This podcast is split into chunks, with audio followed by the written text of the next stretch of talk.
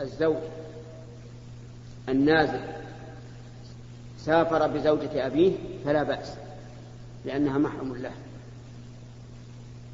وأما ما يظنه بعض العوام من أن الإنسان إذا أنقذ امرأة من هلاك صار محرما لها فهذا ليس له أصل يعني يقول بعض الناس إذا غرقت امرأة ثم جاء إنسان وأنقذها أو شبت حريق في البيت فجاء الإنسان فأنقذها يدعي بعض العوام أنه يصير محرما لها وهذا ليس له أصل غير صحيح المحارم سبع بالنسب وسبع بالرضاء وأربع بالمصاهرة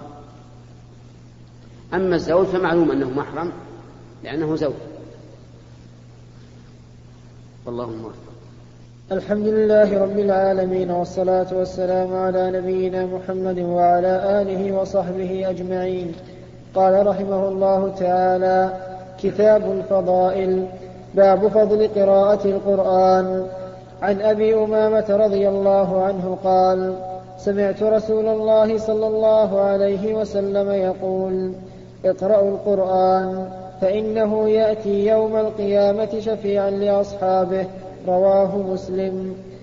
وعن النواس بن سمعان رضي الله عنه قال سمعت رسول الله صلى الله عليه وسلم يقول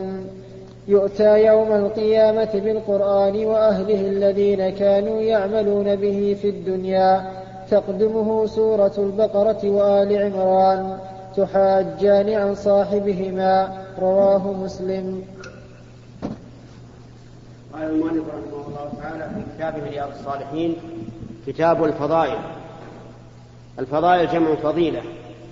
ثم بدأ بفضائل كتاب الله عز وجل فقال باب فضل قراءة القرآن والقرآن الذي بين أيدينا هو كلام الله عز وجل تكلم به سبحانه وتعالى حقيقة كلاما سمعه جبريل ثم تلاه جبريل على النبي صلى الله عليه وسلم قال الله تعالى وانه لتنزيل رب العالمين نزل به الروح الامين على قلبك لتكون من المنذرين وقال نزل به على قلبك لان القلب هو, هو محل الوعي والادراك والفقه لتكون من المنذرين وقال الله تبارك وتعالى لا تحرك به لسانك لتعجل به وكان النبي صلى الله عليه وسلم من شدة حرصه على القرآن كان يبادر جبريل وجبريل يقرأ عليه يلقنه فيبادره القراءة فقال الله تعالى لا تحرك به لسانك لتعجل به يعني اسكت حتى يفرغ جبريل إن علينا جمعه وقرآنه فإذا قرأناه يعني قرأه جبريل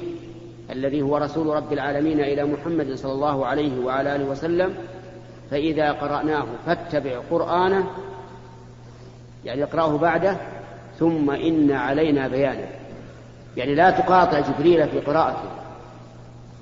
فهذا القرآن تكلم الله به جل وعلا وهو يتكلم به سبحانه وتعالى إذا, إذا أراد أن ينزله كما قال تعالى قد سمع الله قول التي تجادلك في زوجها وهذه جملة جملة ماضوية يعني أنها فعل ماضي قد سمع يدل على تقدم كلام هذه المرأة وعلى تأخر كلام الله تعالى في قصتها وشأنها قد سمع الله قول التي تجادلك في زوجها وتشتكي إلى الله والله يسمع تحاوركما, تحاوركما إن الله سميع بصير وقال تعالى وإذ غدوت من أهلك تبوئ المؤمنين مقاعد للقتال هذا في أحد يقول إذ غدوت من أهلك إذا فالغدو سابق على كلام الله تعالى هذا فالله جل وعلا يتكلم متى شاء بما شاء كيف شاء ولا يحل لنا أن نقول إن كلام الله تعالى ككلامنا يعني أن صوته بالقرآن كأصواته كلا لكنه يتكلم بالحروف التي نتكلم بها فهذا القرآن الذي بين أيدينا هو الحروف التي نكون منها كلامنا وهو كلام الله عز وجل المعنى واللفظ كله كلام الله هذا هو ما دل عليه الكتاب والسنة وإجماع السلف وأئمة أهل السنة أن القرآن كلام الله وأنه منزل من عنده وأن الله تكلم به حقيقة وأنه تلقاه عنه جبريل ثم نزل به إلى قلب النبي صلى الله عليه وسلم على قلب النبي صلى الله عليه وعلى آله وسلم قال الله تعالى إنه لقول رسول كريم ذي قوة عند ذي العرش مكين مطاع ثم أمين فهو أمين عن يعني جبريل عليه الصلاة والسلام نزل به على أمين البشر جبريل أمين الملائكة ومحمد أمين البشر وكلاهما أمين على وحي الله عز وجل هذا القرآن له فضائل عظيمة فضائل عامة وفضائل في آيات وصور خاصة مثلا الفاتحة هي السبع المثاني وهي أم الكتاب آية الكرسي هي أعظم آية في كتاب الله وهل مجرا في آيات أو, أو, أو سور لها فضائل خاصة أما القرآن عموما فله أيضا فضائل عامة وهذا يوجب لنا أن نحرص غاية الحرص على تلاوة كتاب الله عز وجل ليلا ونهارا لأن الإنسان إذا تلك كلام الله صار له بكل حرف عشر حسنات كل حرف الحرف الواحد من الكلمة له فيه عشر حسنات فمثل قل هذه فيها عشرون حسنة لأنها حرفان القاف واللام أعوذ هذه أربع كلمات أربع تحرف فيها أربعين حسنة يعني ثواب جزيل ما يتصوره الإنسان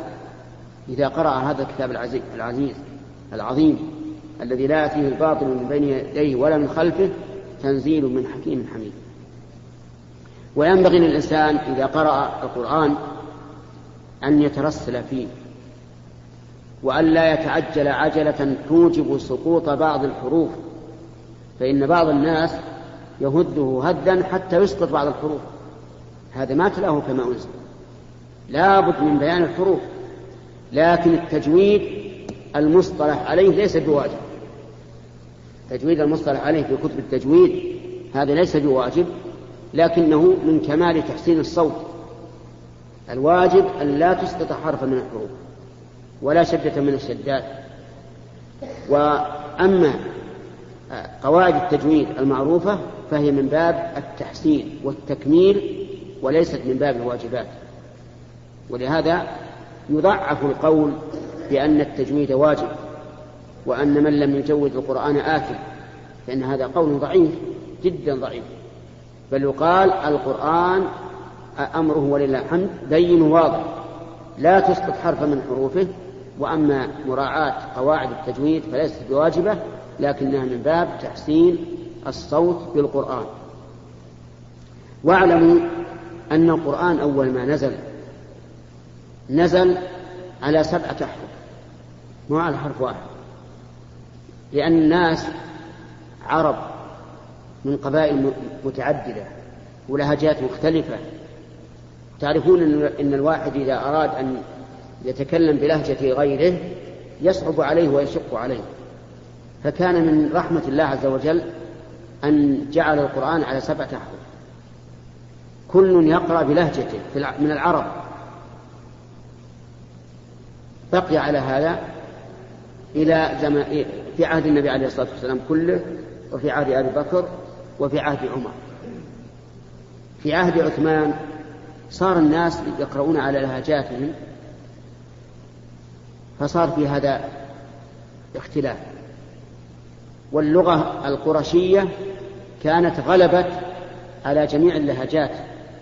بعد أن تطور الإسلام وصارت الدولة كل خلفائها من قريش غلبت اللغة القرشية غلب حرف قريش على جميع اللغات فلما خاف أمير المؤمنين عثمان رضي الله عنه أن يختلف الناس في كلام الله وأن تؤدي هذه الأحرف السبعة إلى شقاق ونزاع أمر رضي الله عنه أن يوحد القرآن على حرف واحد ألا وهو حرف قريش أي لغة قريش فجمع القرآن على حرف واحد على لغة قريش وهو, وهو الذي نقرأ به الآن ثم أمر بسائر المصاحف فأحرقت أحرقوها لئلا تبقى فيفتتن الناس بها فكان في ذلك مصلحة عظيمة وفضيلة لأمير المؤمنين عثمان رضي الله عنه لا تنسى فنسأل الله تعالى أن يجزيه عن المسلمين خيرا وأحث نفسي وإياكم على تلاوة كتاب الله لا تترك القرآن لو بالشهر مرة تقرأه كله أو بالشهر مرتين أو بالشهر أربع مرات أو بالشهر عشر مرات وهذا أدنى ما يكون من الكمال أن تحفظه كل ثلاثة أيام هذا هذا أفضل ما يكون وإن رأيت أو لم يتيسر لك إلا في الأسبوع مرة أو في عشرة أيام مرة أو في الأسبوعين مرة أو في ثلاثة أسابيع مرة أو في الشهر مرة المهم لا تهجر القرآن لا تهجر لأنه كلام ربك عز وجل ولا يزيدك إلا نورا في القلب وبصيرة في العلم والله موفق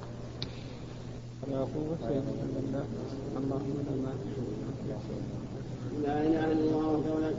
الله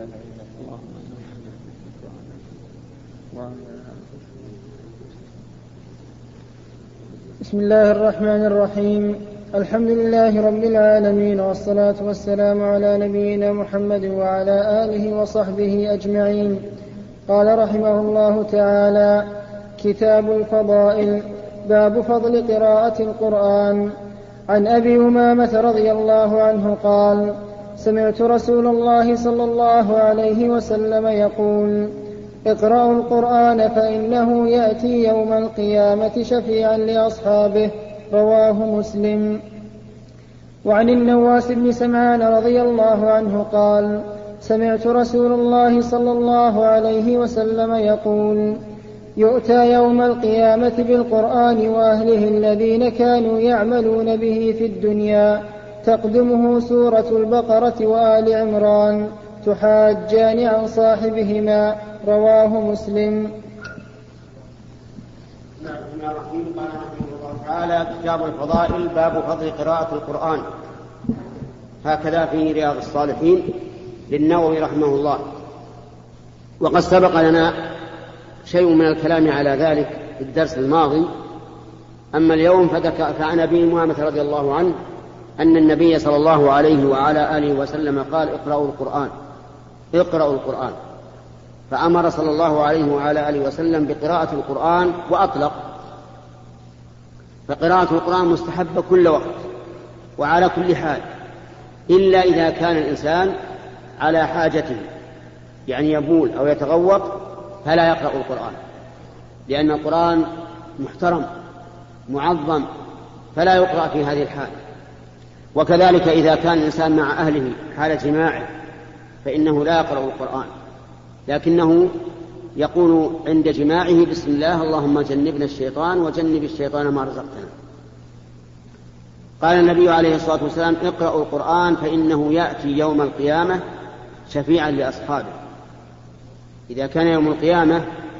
جعل الله سبحانه وتعالى ثواب هذا القرآن شيئا قائما بنفسه شخصا يأتي يوم القيامة شفيعا لأصحابه يشفع لهم عند الله سبحانه وتعالى فإن فإن القرآن إذا تلاه الإنسان محتسبا فيه الأجر عند الله فله بكل حرف عشر حسنات ومثله حديث النواس بن سمعان رضي الله عنه أن النبي صلى الله عليه وسلم أخبر أن من قرأ القرآن وعمل به فإنه يأتي يوم القيامة يتقدمه سورة البقر في وآل عمران يحاجان عن صاحبهما يوم القيامة ولكن الرسول قيد في هذا الحديث قراءة القرآن بالعمل به لأن الذين يقرأون القرآن ينقسمون إلى قسمين قسم قسم لا يعملون بالقرآن فلا فلا يؤمنون بأخباره ولا يعملون بأحكامه هؤلاء يكون القرآن حجة عليهم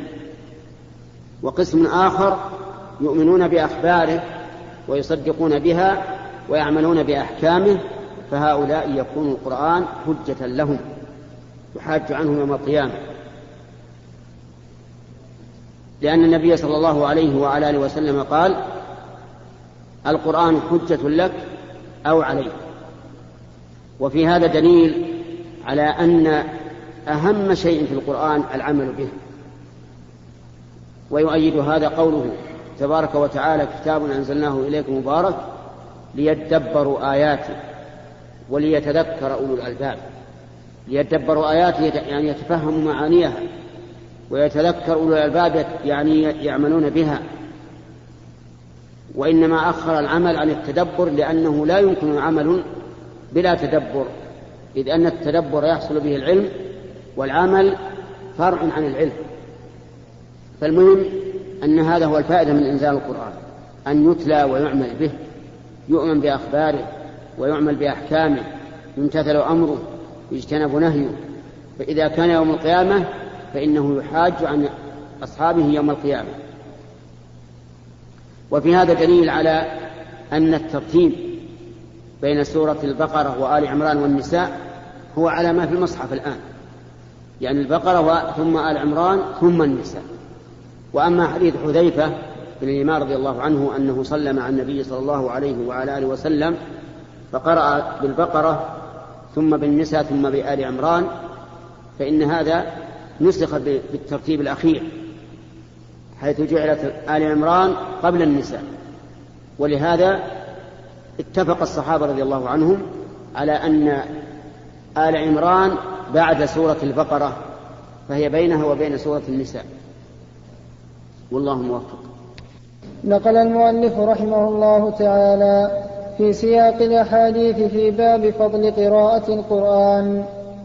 عن عثمان بن عفان رضي الله عنه قال قال رسول الله صلى الله عليه وسلم خيركم من تعلم القرآن وعلمه رواه البخاري وعن عائشة رضي الله عنها قالت قال رسول الله صلى الله عليه وسلم الذي يقرأ القرآن وهو ماهر به مع السفرة الكرام البررة والذي يقرأ القرآن ويتتأتع فيه وهو عليه شاق له أجران متفق عليه قال المؤلف رحمه الله تعالى فيما نقله في كتابه رياض الصالحين باب فضل قراءة القرآن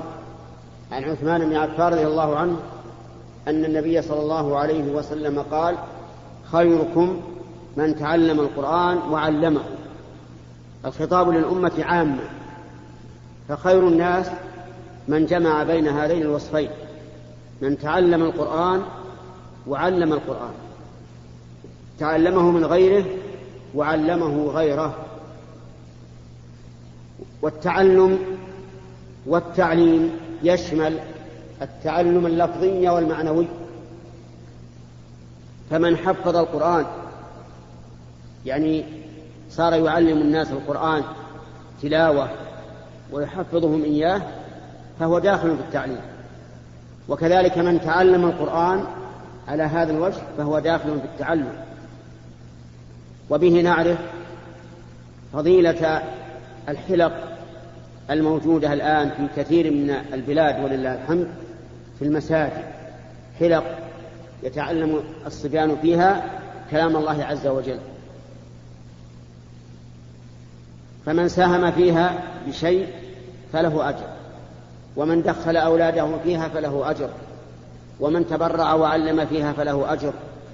كلهم داخلون في قوله خيركم من تعلم القرآن وعلمه والنوع الثاني التعليم المعنوي يعني تعليم التفسير يعني تعليم التفسير أن الإنسان يجلس للناس يعلمهم تفسير كلام الله عز وجل كيف يفسر القرآن والقرآن كما نعلم متشابه تجد أحيانا بعض الآيات تتكرر بلفظها مثل يا أيها النبي جاهد الكفار والمنافقين واغلط عليهم ومأواهم جهنم وبئس المصير هذه تكررت بلفظها في سورتين في سورة التوبة وفي سورة التحريم وكذلك كثير من الآيات يتكرر فالقرآن متشابه فإذا علم الإنسان غيره كيف يفسر القرآن وأعطاه القواعد لتفسير القرآن فهذا من تعليم القرآن وليعلم أن القرآن الكريم ليس كغيره من الكتب من حيث التفسير يعني أنه لا يجوز للإنسان أن يفسر القرآن بهواه ويحمل الآيات على ما يريده هو كما يفعل أهل الإلحاد في آيات الله عز وجل من أهل التعطيل وغيره يحملون الآية على غير ما أراد الله مثلا يقول في قول الله تعالى وجاء ربك والملك صفا صفا يقول وجاء أمر ربك هذا حرام لا يجوز لأن الذي يفسر القرآن إنما يشهد على الله أنه أراد كذا وهذه عظيمة ما هي هينة لو كنت تفسر كلام عالم من العلماء لعد ذلك جناية إذا فسرته بما تريد أنت فكيف بكلام رب العالمين ولهذا جاء في الحديث من قال في القرآن برأيه فليتبوى مقعده من النار فالواجب أن الإنسان يتحرر من أن يقول معنى الآية كذا وكذا وهو لا يدري لكن إذا كان طالب علم وتكلم بمعنى الآية عند من هو أعلم منه على أساس أنه سيرشده إذا أخطأ فلا بأس ومن ذلك ما يلقى في الاختبارات يلقى للطالب مثلا فسر الآية كذا وكذا فيكون الطالب ليس عنده في تلك الساعة استحضار لمعناه فهل يفسرها بما بما عنده يقول نعم لأن هذا يختبر ولا وإذا أخطأ فعنده من ينبهه لكن يتحرى الصواب أما الإنسان الذي يفسر لا على هذا الوجه وهو ليس عنده علم فإنه لا يجوز له أن يقدم على هذا لأن كلام الله عز وجل ليس كغيره أما حديث عائشة رضي الله عنها ففيه أن النبي صلى الله عليه وعلى آله وسلم أخبر أن الماهر بالقرآن مع السفرة الكرام البررة الماهر الذي يجيد القرآن يتقنه هذا مع السفرة الكرام البررة وهؤلاء السفرة الكرام البررة هم ملائكة كما قال تعالى في صحف مكرمة مرفوعة مطهرة بأيدي سفرة كرام بررة فالماهر مع الملائكة وأما الإنسان الذي يتتعتع في القرآن ويتهجاه وهو عليه شاق فله أجران الأجر الأول أجر التلاوة والأجر الثاني أجر التعب أجر التعب والمشقة ولهذا قال النبي عليه الصلاة والسلام لعائشة أجرك على قدر نصبك يعني على قدر التعب فالذي يتتعتى في القرآن ويشق عليه له أجران أجر التلاوة وأجر قراءة القرآن لكن الأول أفضل منه لأن الأول مرتبته عظيمة وفرق بين إنسان له مرتبة عالية وإنسان دون ذلك لكن له أجر ونضرب مثلا لهذا ولله و و والثواب ليس له نظير لكن لو أن رجلا له شرف وسيادة ومنزلة عالية في الناس لكن دراهمه قليلة وإنسان آخر وضيع بين الناس ليس, ليس, ليس له قيمة لكن عنده درهم كثيرة الأول أفضل فالمهم أن الماهر بالقرآن المجيد فيه مع السفرة الكرام البركة وأما الذي يتلو القرآن ويتتعتع فيه وهو عليه شاق فله أجران إذا تالي القرآن ليس بخاسر مهما كان رابح على كل حال والله موفق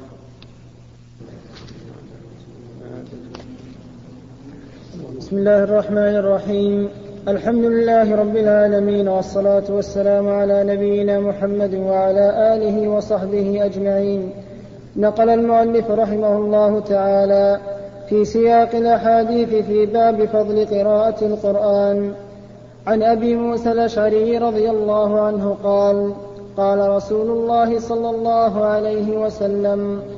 مثل المؤمن الذي يقرأ القرآن مثل الأترجة ريحها طيب وطعمها طيب ومثل المؤمن الذي لا يقرأ القرآن كمثل التمرة لا ريح لها وطعمها حلو ومثل المنافق الذي يقرأ القرآن كمثل, كمثل الريحانة ريحها طيب وطعمها مر ومثل المنافق الذي لا يقرأ القرآن كمثل الحنظلة ليس لها ريح وطعمها مر متفق عليه بسم الله الرحمن الرحيم هذا الحديث ساقه المؤلف رحمه الله في باب فضل قراءة القرآن في رياض الصالحين في بيان أقسام الناس بالنسبة للقرآن أن النبي صلى الله عليه وسلم ضرب أمثلة للمؤمن والمنافق المؤمن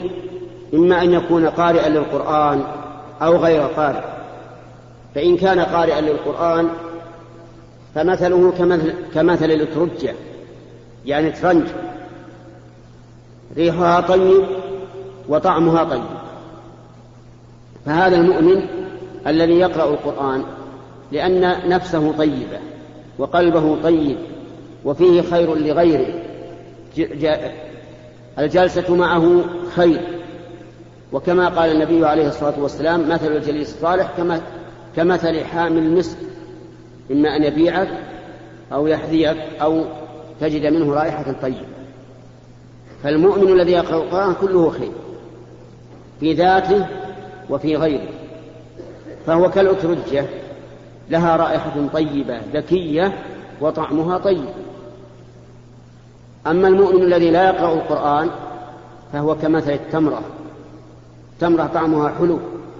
ولكنه ليس لها رائحة كرائحة الترجية يعني ليس لها رائحة ذكية بينة لا ريح لها ونفى النبي صلى الله عليه وعلى آله وسلم ريحها لأنه ليس بريح ظاهر بين وإن كان كل شيء له رائحة لكن لكن ليست رائحتها ذكية تجذب الناس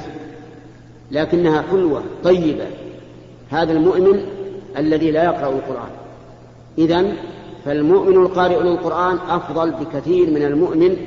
الذي لا يقرأ القرآن يعني معنى لا يقرأه يعني لا يعرفه ولم يتعلمه ومثل المنافق الذي يقرأ القرآن كمثل الريحانة لها رائحة طيبة لكن طعمها مر لأن المنافق في ذاته خبيث لا خير فيه والمنافق هو الذي يظهر أنه مسلم ولكنه ولكن قلبه كافر والعياذ بالله هو الذي قال الله فيه ومن الناس من يقول آمنا بالله وباليوم الآخر وما هم بمؤمنين يخادعون الله والذين آمنوا وما يخدعون إلا أنفسهم وما يشعرون في قلوبهم مرض فزادهم الله مرضا ولهم عذاب أليم بما كانوا يكذبون يوجد منافقون يقرؤون القرآن قراءة طيبة مرتلة مجودة لكنهم منافقون والعياذ بالله كما قال النبي عليه الصلاة والسلام في الخوارج يقرؤون القرآن لا يتجاوز حناجرهم هؤلاء والعياذ بالله ضرب النبي صلى الله عليه وعلى آله وسلم لهم مثلا بالريحانة ريحها طيب وذلك بما معهم من القرآن وطعمها مر وذلك لخبث طويتهم وفساد نيتهم المنافق الذي لا يقرأ القرآن ضرب, به ضرب النبي صلى الله عليه وعلى آله وسلم له مثلا بالحنظلة الشريعة طعمها مر وليس لها ريح هذه هذا المؤمن هذا المنافق الذي لا يقرأ القرآن لا خير فيه طعمه مر وليس معه قرآن ينتفع الناس به هؤلاء هذه أقسام الناس بالنسبة لكتاب الله عز وجل فاحرص يا أخي المسلم على أن تكون من المؤمنين الذين يقرؤون القرآن ويأتونه حق تلاوته حتى تكون كمثل الأترجة رائحة طيبة وطعم طيب الله موفق نقل المؤلف رحمه الله تعالى في سياق الاحاديث في باب فضل قراءه القران عن عمر بن الخطاب رضي الله عنه ان النبي صلى الله عليه وسلم قال ان الله يرفع بهذا الكتاب اقواما ويضع به اخرين رواه مسلم وعن ابن عمر رضي الله عنهما عن النبي صلى الله عليه وسلم قال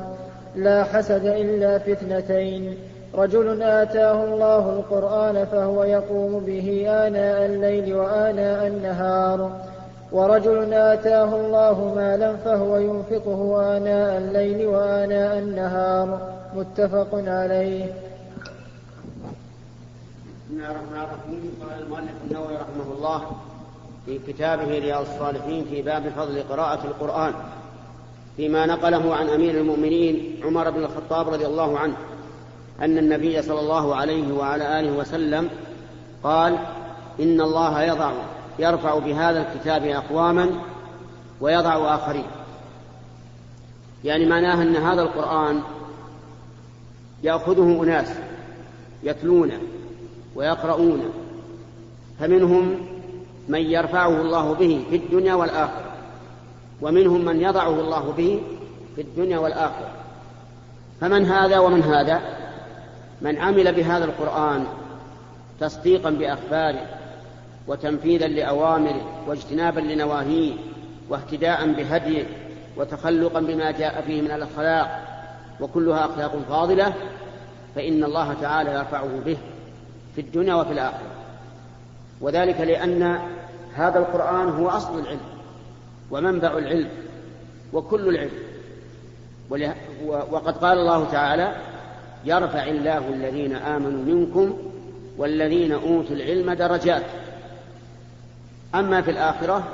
فيرفع الله به أقواما في جنات النعيم يرفع درجاتهم في جنات النعيم ويقال للقارئ اقرأ ورتل واصعد وله إلى منتهى قراءته صعودا في الجنة يا الله من فضله وأما الذين يضعهم الله به فقوم يقرؤونه ويحسنون قراءته لكنهم يستكبرون عنه والعياذ بالله لا يصدقون بأخباره ولا يعملون بأحكامه يستكبرون عنه عملا ويجحدونه خبرا إذا جاءهم شيء من القرآن قصص عن الأنبياء السابقين أو غيرهم أو عن اليوم الآخر أو ما أشبه ذلك صاروا والعياذ بالله يشككون في ذلك ولا يؤمنون بل في قلوبهم مرض مرتابون والعياذ بالله وربما تصل بهم الحال إلى الجحر مع أنه يقرأ القرآن وفي, وفي الأحكام يستكبرون عن أحكامه لا لا يقومون بأمره ولا ينتهون عن نهيه هؤلاء والعياذ بالله يضعهم الله في الدنيا وفي الآخرة ولا بد أن يكون أمرهم خسارة حتى لو فرض أنه أن الدنيا زانت لهم وتزخرفت فإن مآلهم إلى الخسار والعياذ بالله ولكن ربما يمهل لهم ويملى لهم وتنفتح عليهم الدنيا ولكنه كلما انفتح عليهم شيء من زهرة الدنيا فإنهم لا يزدادون به إلا خسارا والعياذ بالله ويوم يعرض, ويوم يعرض الذين كفروا على النار أذهبتم طيباتكم في حياتكم الدنيا واستمتعتم بها فاليوم تجزون عذاب الهون بما كنتم تستكبرون في الأرض بغير الحق وبما كنتم تفسقون يعني ربما يملي الله تعالى للكافر الجاهل المستكبر وتزدان له الدنيا لكنه لا يزيده ذلك إلا إثما وخسارا في الآخرة والعياذ بالله فالحذر الحذر أن تكون من القسم الثاني الذين يضعهم الله تعالى بهذا القرآن كن من القسم الأول الذين يرفعهم الله تعالى بالقرآن جعلنا الله وإياكم منهم نقل المؤلف رحمه الله تعالى في سياق الأحاديث في باب فضل قراءة القرآن عن ابن عمر رضي الله عنهما عن النبي صلى الله عليه وسلم قال لا حسد إلا في اثنتين رجل آتاه الله القرآن فهو يقوم به آناء الليل وآناء النهار ورجل آتاه الله مالا فهو ينفقه آناء الليل وآناء النهار متفق عليه بسم الله الرحمن الرحيم قال المؤلف رحمه الله تعالى في باب فضل القرآن في كتاب رياض الصالحين فيما نقله عن ابن عمر رضي الله عنهما أن النبي صلى الله عليه وعلى آله وسلم قال لا حسد إلا في اثنتين الحسد قال العلماء إن معناه هنا الغبطة يعني لا لا شيء فيه غبطة إلا في هذين الثنتين وذلك أن الناس يغبط بعضهم بعضا في أمور الدنيا وفي أمور الآخرة فتجد مثلا بعض الناس يغبط هذا الرجل حين أعطاه الله المال والأولاد والأهل والقصور والسيارات وما أشبه ذلك يقول هذا هو الحضيض هذا هو الحضيض هذا هو المغتبط وما أشبه ذلك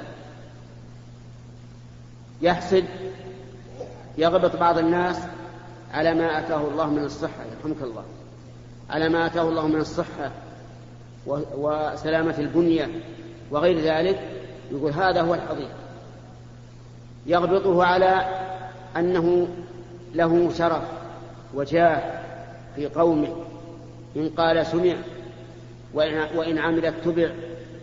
فيقول هذا هو الحضيض لكن النبي صلى الله عليه وعلى آله وسلم بين أن الحضيض الذي يغبط من حصل على إحدى هاتين المسألتين الأول الأولى آتاه الله تعالى الحكمة القرآن فهو يقرأ يقوم به آناء الليل وآناء, وآناء النهار آتاه الله القرآن حفظ القرآن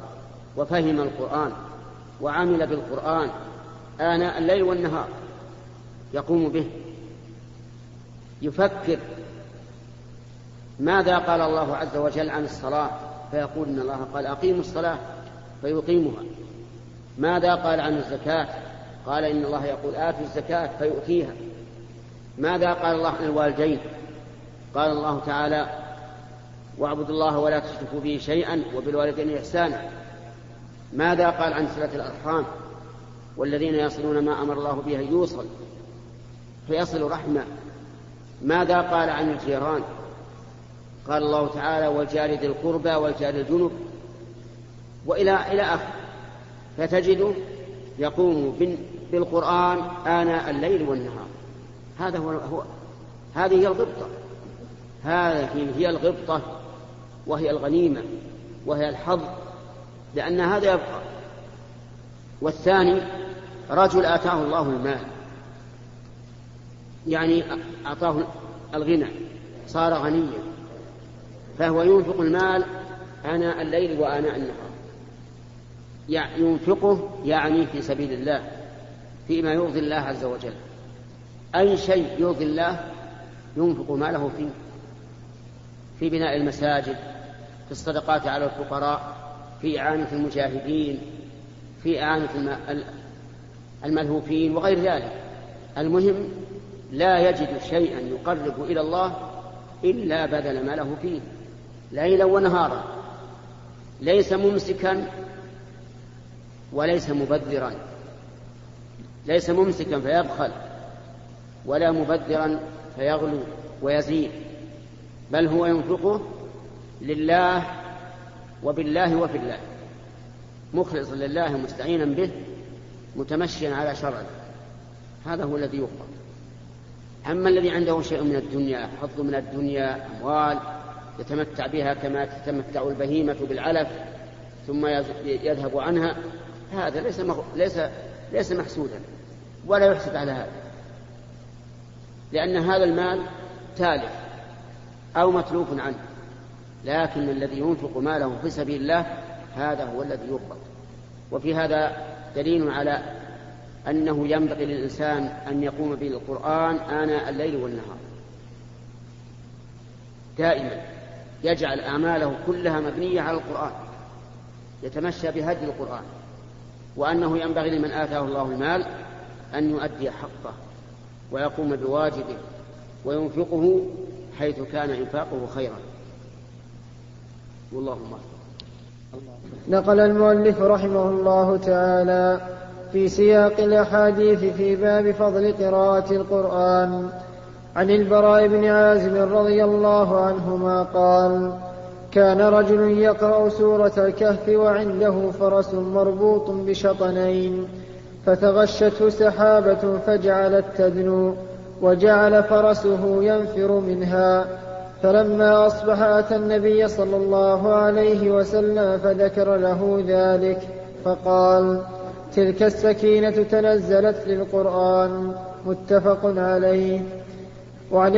ابن, مسعود رضي الله عنه قال قال رسول الله صلى الله عليه وسلم من قرأ حرفا من كتاب الله فله حسنة والحسنة بعشر أمثالها لا أقول ألف لام ميم حرف ولكن ألف حرف ولام حرف وميم حرف رواه الترمذي وقال حديث حسن صحيح بسم الله الرحمن الرحيم ذكر المؤلف النووي رحمه الله في كتابه رياض الصالحين في باب فضل قراءة القرآن ما يدل على فضل قراءة القرآن من الأحاديث السابقة واللاحقة فمن ذلك حديث البراء بن عازب رضي الله عنه أن رجلا كان يقرأ بسورة الكهف وسورة الكهف هي السورة التي بين سورة الإسراء ومريم هذه السورة من فضائلها أن الإنسان إذا قرأها يوم الجمعة أضاء له من النور ما بين الجمعتين وفيها قصص وعبر قصها الله عز وجل على رسوله صلى الله عليه وعلى آله وسلم وكان هذا الرجل يقرأ القرآن فغشيه يعني غطاه شيء مثل الظلة كأنه غمامة كلما قرأ نزل كلما قرأ نزل من فوق وجعلت الفرس وهي مربوطة بشيطانين جعلت تميل تنفر من هذا الذي رأته فلما فلما أخبر النبي صلى الله عليه وعلى آله وسلم قال تلك السكينة نزلت لقراءة القرآن لأن السكينة تنزل عند قراءة القرآن إذا قرأه الإنسان بتمهل وتدبر فإن السكينة تنزل حتى تصل إلى قلب القارئ فينزل السكينة فينزل الله السكينة في قلبه وهذا هذه القصة من كرامات الأولياء الأولياء لهم كرامات لكن ليس لكل ولي كرامة وإنما يؤتي الله سبحانه وتعالى بعض الأولياء كرامة تثبيتا له وتصديقا لما كان عليه من الحق وهي يعني الكرامات امور خارقه للعاده يعني لا تاتي على وفق عاده خارقه للعاده يجريها الله عز وجل على يد بعض اوليائه تكريما له وتثبيتا له وتصديقا لما هو عليه من الحق وهي في نفس الوقت معجزة للرسول الذي يتبعه هذا الولي وقد ذكر العلماء رحمهم الله أن الخوارق ثلاثة أقسام يعني الأشياء التي تخرج عن العادة تنقسم إلى ثلاثة أقسام قسم آيات للأنبياء وقسم كرامات للأولياء وقسم إهانات من الشياطين يجريها الله على خلاف العادة على على أيدي الشياطين والعياذ بالله وعلامة ذلك أن الذي تحصل له هذه الخوارق إما أن يكون نبيا أو وليا للرحمن أو وليا للشيطان